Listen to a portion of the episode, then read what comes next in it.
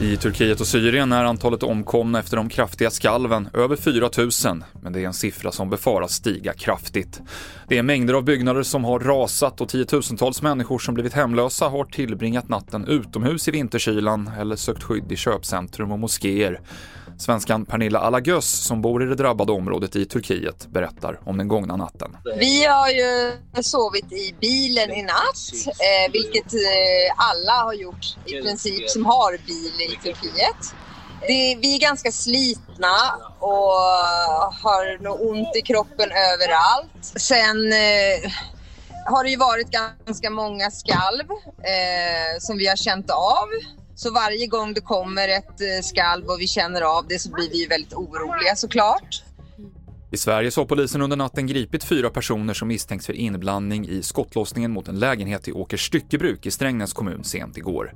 Ingen skadades vid händelsen.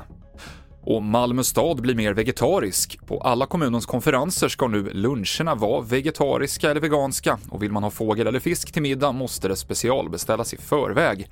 Det här uppskattas inte av alla. En politiker säger att de var flera som bokade bord på en annan restaurang och åt grissida när det var konferens nyligen, rapporterar Sydsvenskan. TV4-nyheterna med Mikael Klintevall.